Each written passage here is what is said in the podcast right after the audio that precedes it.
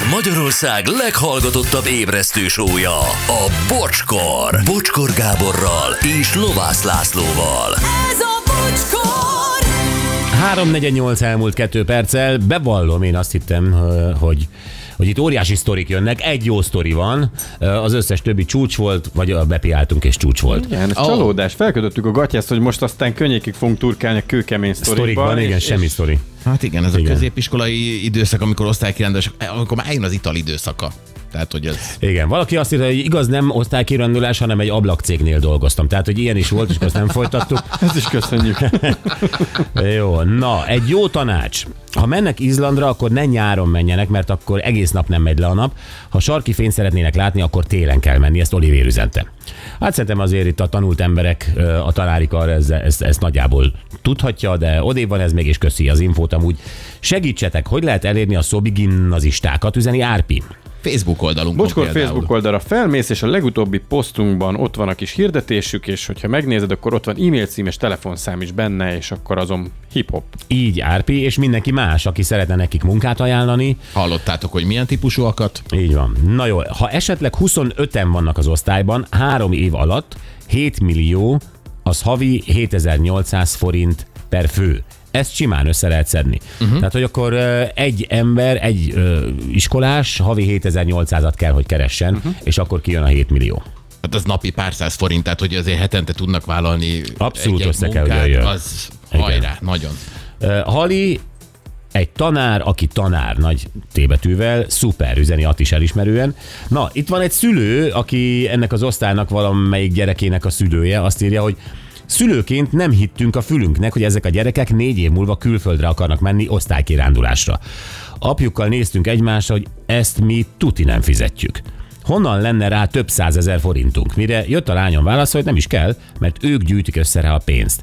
Maximálisan támogatjuk őket ebben szülőként, szülői munkaközösségi tagként is egyetértek ezzel a kezdeményezéssel, ráadásul, mint egykor a Szobi Szent László gimnáziumban végzett diák is büszke vagyok rájuk. Kitty, Na, de jó fej. Értető. És egyébként tényleg erről beszélgettünk adáson kívül is, hogy a, a Marcel ebbe a projektbe minden olyat belefoglalt, amivel felkészíti őket az életre.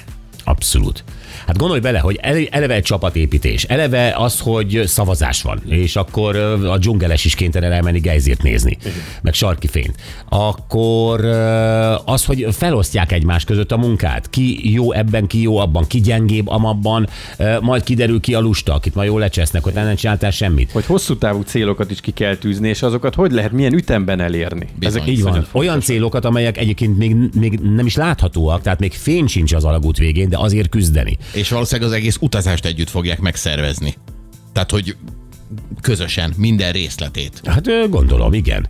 Mi 12-en Prágába mentünk az osztályommal négy napra, a kedvenc fotóm róluk, amin egy kocsmában együtt isznak az egészségemre. Üzeni Brigi. Középiskolában, harmadik osztályban osztályfőnök azt mondta, nem tud minket elvinni osztálykirándulásra. Így megszerveztük, elmentünk nélküle három napra. Meglepi volt a tanároknak, mikor jöttek, az óra, mikor jöttek órát tartani, és sehol senki. Nagyon király volt. Év elején, amikor találkoztunk az osztályfőnökkel, mondtok neki, hogy idén, hogy idén se visszük. Oh.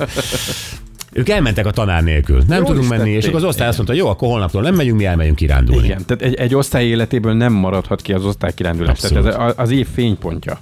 Abszolút, teljesen másképp látod a kis ducit melletted, akit állandóan piszkáltál, lehet, hogy egy tök jó fej. Persze. Ö, teljesen másképp nézel Sárira, aki Hogyne. addig meg, és hirtelen jó nővé válik. Egy egész évben vártad, hogy végre olyan helyzetbe kerüljetek Sárival, hogy megkérdez, hogy tetszik-e az a kép a múzeumban, érted? Így van, pontosan. 2001-ben Olaszországban voltunk osztálykiránduláson, körúton, Velence, Firenze, Pisa, Róma, Assisi, San Marino.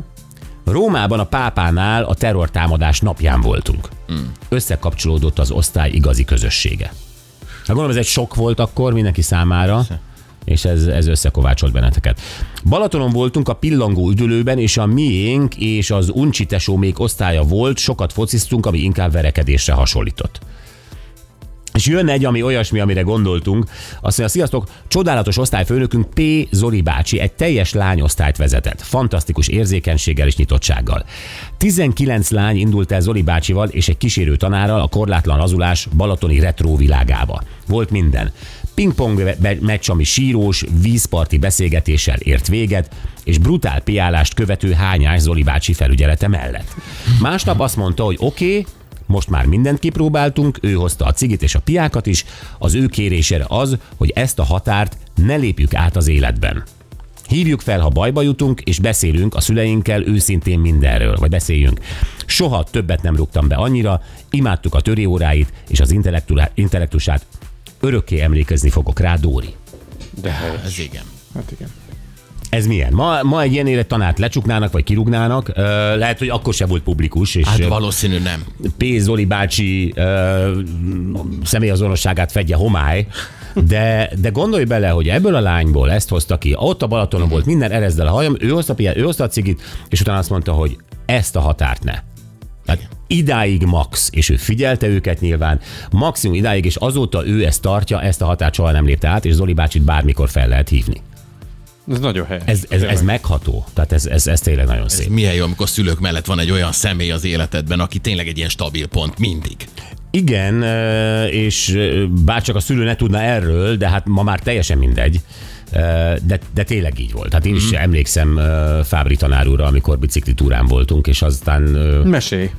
Semmi, hát ő, ő hozta a piát. Ja, ennyi? Ennyi. Semmi. De, de, de, nem, de abszolút jó fej volt. Jó, gyerekek, ö, hungary masinozunk. Így van, a dalszöveg készen van, úgyhogy meg kéne fejteni. Hívjatok most 0620 22 22 122.